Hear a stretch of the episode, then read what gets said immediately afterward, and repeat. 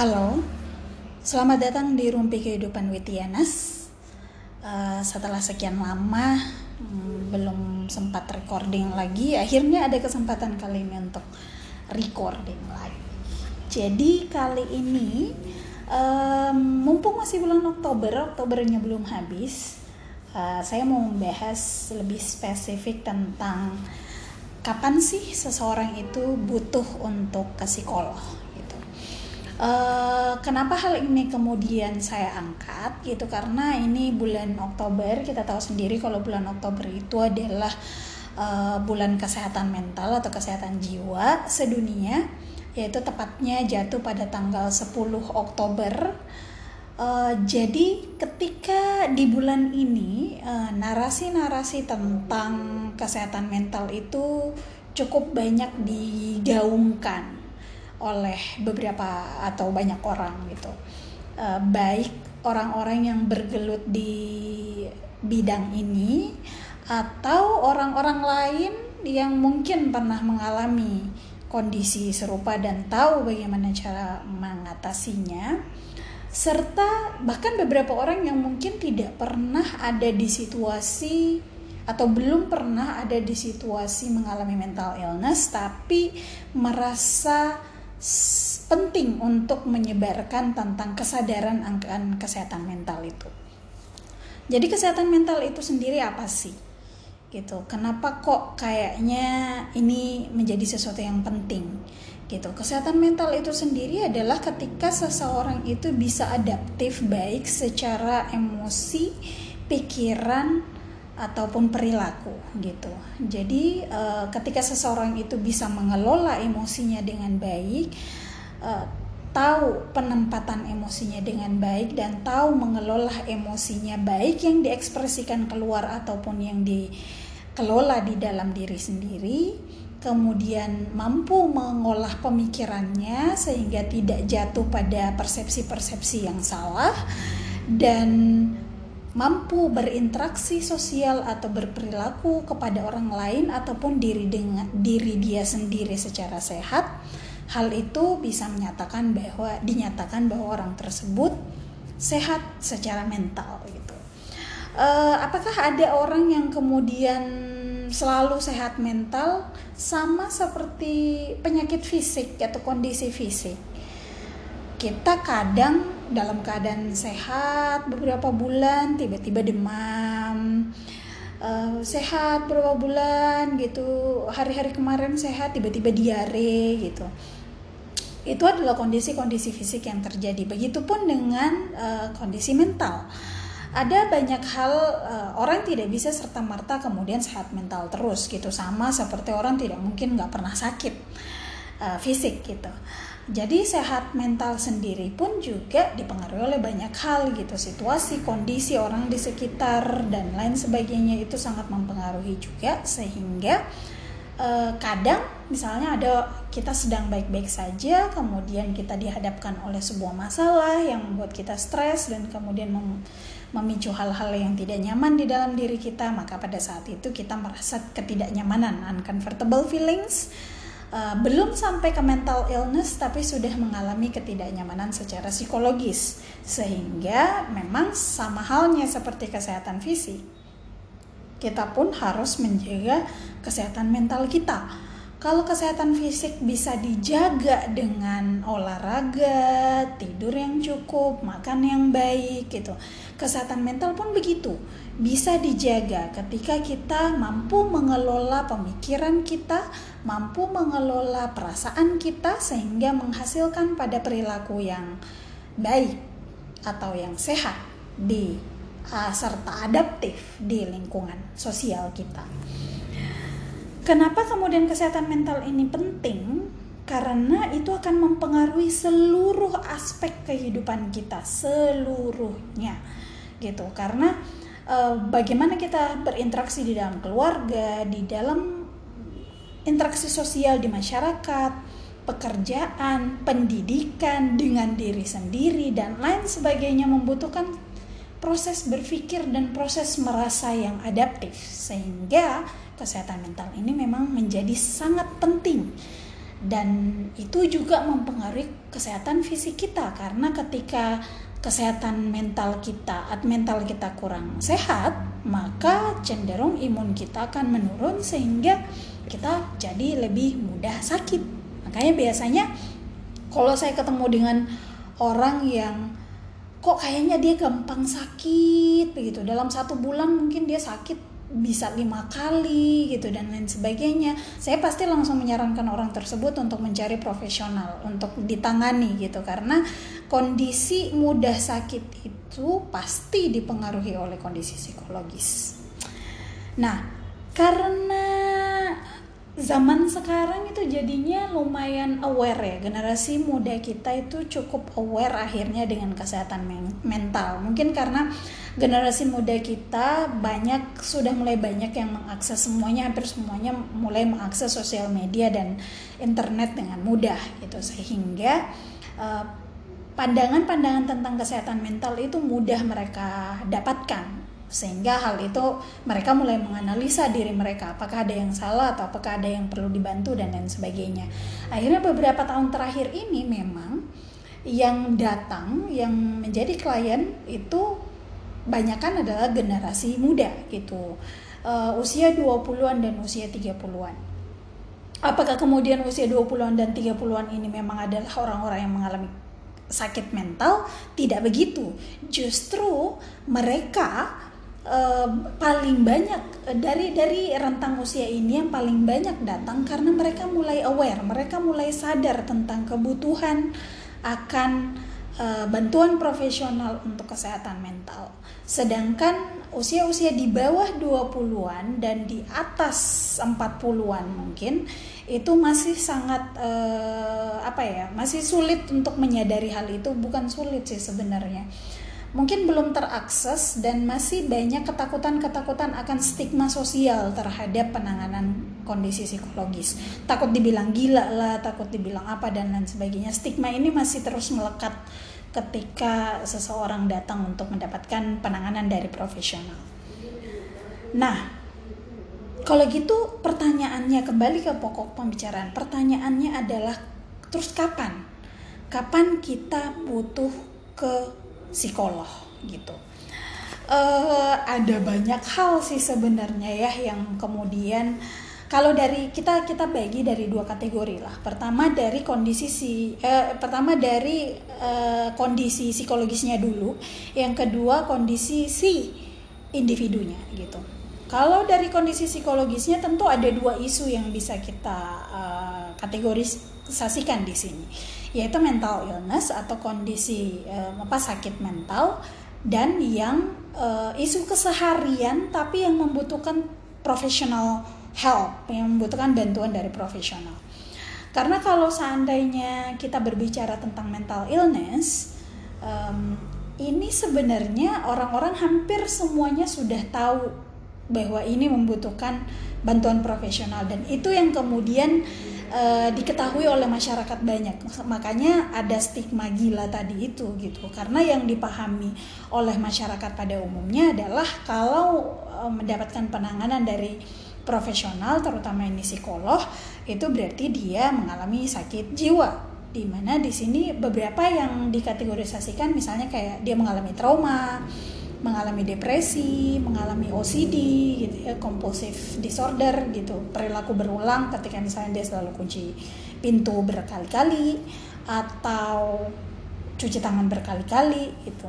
Lalu misalnya pelecehan seksual, kekerasan fisik, KDRT, eh, penyalahgunaan obat-obatan, eh, kecemasan, gangguan panik, hiperaktivitas gitu eh, kondisi-kondisi anak yang misalnya kayak hiperaktivitas, autism, uh, misalnya juga retardasi mental, schizofrenia itu pasti yang paling pertama gitu itu uh, yang sudah disadari oleh banyak orang bahwa itu membutuhkan profesional bantuan dari profesional. Tapi ada beberapa hal isu-isu dalam kehidupan kita yang sebenarnya uh, belum sampai ke sakit mental, tapi ini berdampak luar biasa terhadap seorang individu sehingga kadang individu tersebut membutuhkan bantuan profesional.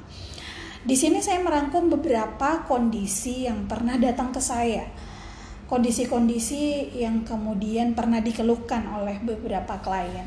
Pertama itu adalah permasalahan dengan orang tua. Ini adalah kondisi atau isu terbesar yang paling banyak datang ke psikolog. Uh, permasalahan orang tua di sini misalnya permasalahan orang tua dan anak misalnya ya terkait pola asuh mungkin entah orang tuanya overprotective entah di abandoned child misalnya dia kayak hmm, apa ya tidak diakui misalnya atau dia dibesarkan oleh nenek, dibesarkan oleh tante, banyak sekali kondisi-kondisi uh, ayahnya keras, ibunya uh, emosional, kemudian orang tuanya bercerai, uh, orang tuanya tidak bercerai tapi bertengkar terus gitu, uh, mendapatkan kekerasan fisik uh, dari kecil oleh orang tuanya. Banyak sekali. Atau bahkan mungkin ditinggalkan oleh orang tuanya. Ini kondisi-kondisi yang paling banyak datang. Yaitu unfinished business atau hal-hal yang belum selesai di masa lalu yang kemudian ternyata sangat mempengaruhi bagaimana si individu itu uh, apa ya bereaksi terhadap situasi yang dia alami Beberapa hal lagi yang pernah datang itu adalah di, soal distorsi kognitif. Orang-orang yang mengalami distorsi kognitif. Misalnya, kok orang-orang membicarakan saya ya gitu. Orang-orang semuanya tidak ada yang suka pada saya gitu. Sehingga ada generalisasi. Atau misalnya saya tidak bisa cerita kepada orang lain karena saya tidak percaya kepada mereka semua. Uh, situasi di mana dia pernah dikecewakan misalnya. Akhirnya kemudian menggeneralisasi semua orang bahwa semua orang itu tidak bisa dipercaya dan seterusnya. Distorsi-distorsi kognitif yang seperti ini kesalahan berpikir yang seperti ini juga sebenarnya bisa mendapatkan penanganan uh, oleh profesional. Uh, selanjutnya yang pernah datang itu adalah kasus ketika dia tidak mengenali dirinya sendiri maksudnya seperti ini uh, ada banyak klien yang kemudian datang itu ketika dia tidak tahu dia tuh sebenarnya seperti apa, apa yang dia inginkan dalam hidup, bagaimana caranya dia bisa standing for him or herself gitu kayak berani untuk menunjukkan dirinya, bagaimana dia harus percaya diri. Itu banyak sekali orang kemudian yang tidak mengenali uh, dirinya tuh seperti apa. Uh, beberapa hal lain uh, hal ketiga tadi tadi permasalahan orang tua yang pertama yang kedua distorsi kognitif yang ketiga tidak mengenal diri yang keempat ini overthinking ya overthinking juga termasuk distorsi kognitif juga sih banyak juga yang akhirnya membutuhkan penanganan psikologis di sini lalu eh, selanjutnya adalah terkait problem pernikahan ini lumayan banyak juga ketidaksesuaian antara pola berpikir dan pola merasa si istri dengan si suami atau perselingkuhan banyak sekali.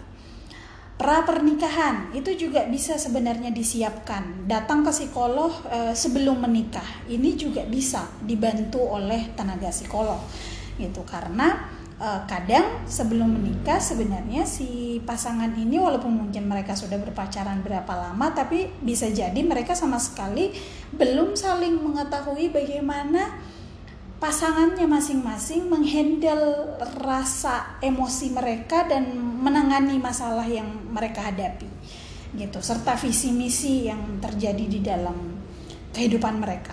Itu juga biasanya uh, membutuhkan bantuan psikolog kapan lagi kita perlu ke psikolog gitu? Ketika sudah mulai merasa terbebani akan suatu hal merasa sudah tidak nyaman akan suatu hal itu sebaiknya mulai mencari bantuan psikolog. Um, saya juga pernah mendapatkan kasus di mana uh, klien saya ini entah kenapa dia merasa bahwa tidak bisa lepas dari laki-laki uh, baik ini laki-laki ini sudah menjadi mantan atau masih jadi pacar yang sebenarnya hubungan mereka tidak sehat atau toxic relationship. Ini lumayan banyak yang terjadi juga dan itu bisa dibantu di dalam proses penanganan psikologis. Uh, selanjutnya kasus yang pernah datang itu adalah ketika pola hidupnya tidak sehat. Misalnya dia membebankan dirinya pekerjaan yang terlalu banyak agar dia tidak perlu mengkhawatirkan hal-hal yang lain. Ini sebenarnya adalah hal-hal yang tidak sehat.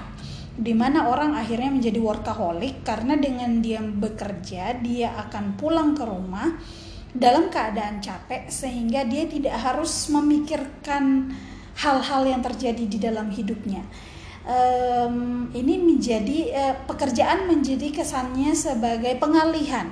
Ini juga banyak klien saya yang datang seperti itu. Perselingkuhan tadi sudah gitu kemudian uh, insecurity karena dia adalah anak angkat ini juga pernah datang ke saya bahwa um, dia merasa tidak nyaman karena akhirnya setelah dewasa dia baru tahu bahwa dia adalah anak angkat which is selama ini dia berpikir bahwa dia adalah anak kandung sehingga setelah itu dia menjadi problematic children gitu.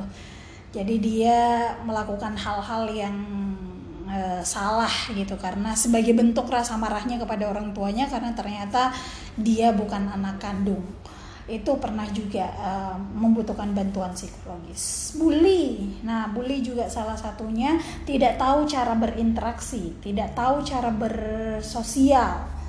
Ya, itu juga yang biasanya datang dan membutuhkan bantuan psikolog. Lack of motivation itu juga salah satunya. Mudah marah, uh, lack of affection, uh, kekurangan rasa cinta kasih dari orang lain merasa kesepian uh, itu juga banyak yang datang dan membutuhkan penanganan psikologis. Sibling rivalry juga termasuk salah satu yang sibling rivalry ini adalah persaingan antara saudara. Ini juga membutuhkan bantuan penanganan psikolog. Yang lain-lain sih sebenarnya lebih ke misalnya in, hal ini uh, beberapa kasus yang kemudian orang sudah uh, sadar yaitu misalnya kayak insomnia. Biasanya pasti orang datang ke psikolog ketika dia insomnia kemudian merasa tidak layak hidup gitu ya. Ada kecenderungan mau bunuh diri gitu soal homoseksual misalnya. Dan uh, ada yang datang dengan keluhan-keluhan fisik juga sebenarnya. Misalnya gampang sesak nafas gitu dadanya berdebar terus. Itu juga biasanya datang ke psikolog Nah, ini untuk kategori pertama. Kita melihat dari sisi uh, kondisi psikologisnya dulu. Nah, yang kedua, kita melihatnya dari sisi kondisi si individunya. Kapan sih seorang kemudian butuh untuk penanganan psikologis? Pertama, ketika kamu merasa bahwa tidak ada orang yang bisa mendengarkan kamu atau tidak ada orang lain yang bisa kamu tempati untuk berkeluh kesah maka di situlah saat kamu membutuhkan bantuan profesional. Yang kedua, kamu punya orang yang bisa kamu tempati untuk berkeluh kesah yang akan mendengarkan kamu, tapi mereka tidak memahami kamu.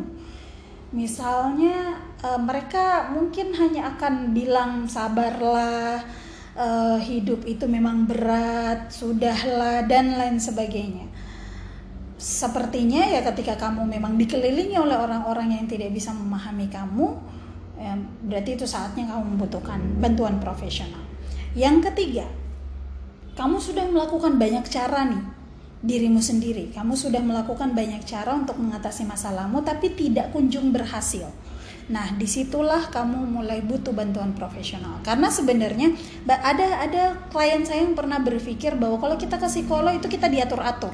Sebenarnya itu adalah pemahaman yang salah. Karena ketika Anda ke psikolog sebenarnya justru Anda dibantu untuk mengatur diri Anda sendiri. Jadi bukan psikolognya yang mengatur kliennya, tapi dia dibantu untuk mengelola dirinya sendiri. Jadi um, simpelnya analoginya seperti ini. Kalau kamu lari sendirian, kalau kamu jogging sendirian, kamu mungkin butuh waktu berhari-hari untuk sampai di tujuanmu. Tapi kalau kamu jogging bersama orang lain, which is di sini adalah profesional, kamu akan dibantu untuk mencapai target dan tujuan kamu dengan lebih cepat. Seperti itulah kurang lebih. Yang keempat, alasan uh, orang datang ke psikolog dan sudah butuh penanganan psikolog. Kamu merasa butuh penguatan dan butuh opini dari expert atau dari ahlinya atau dari profesional karena psikolog mempelajari banyak aspek tentang hal itu sehingga uh, kamu merasa membutuhkan penguatan dan opini atau pandangan mereka terhadap apa yang terjadi pada dirimu. Di situlah kamu membutuhkan psikolog. Dan hal terakhir yang kemudian kamu membutuhkan bantuan psikolog adalah kamu butuh dibantu untuk melatih diri menyelesaikan masalah gitu. Jadi tidak bukan diatur dan bukan dicarikan solusi sebenarnya, tapi dibantu untuk menemukan solusi itu sendiri. Jadi itu beberapa hal yang kalau orang bertanya kapan sih kita butuh penanganan dari profesional dari situ. Dari dua hal itu, dari kondisi individunya sendiri atau dari uh, kondisi psikologisnya atau problem yang dihadapi. Oke, okay, itu saja mungkin uh, next uh, podcast saya akan membahas tentang apa saja sih sebenarnya yang dilakukan di dalam ruang terapi karena banyak orang yang bertanya-tanya sebenarnya apa yang dilakukan ketika bertemu psikolog itu sebenarnya ngapain sih di dalam ruangan itu itu itu akan saya bahas di next podcast. Terima kasih yang sudah mendengarkan uh, podcast kali ini. Sampai jumpa di podcast Rumpi Kehidupan Wet Ianas di episode selanjutnya. Bye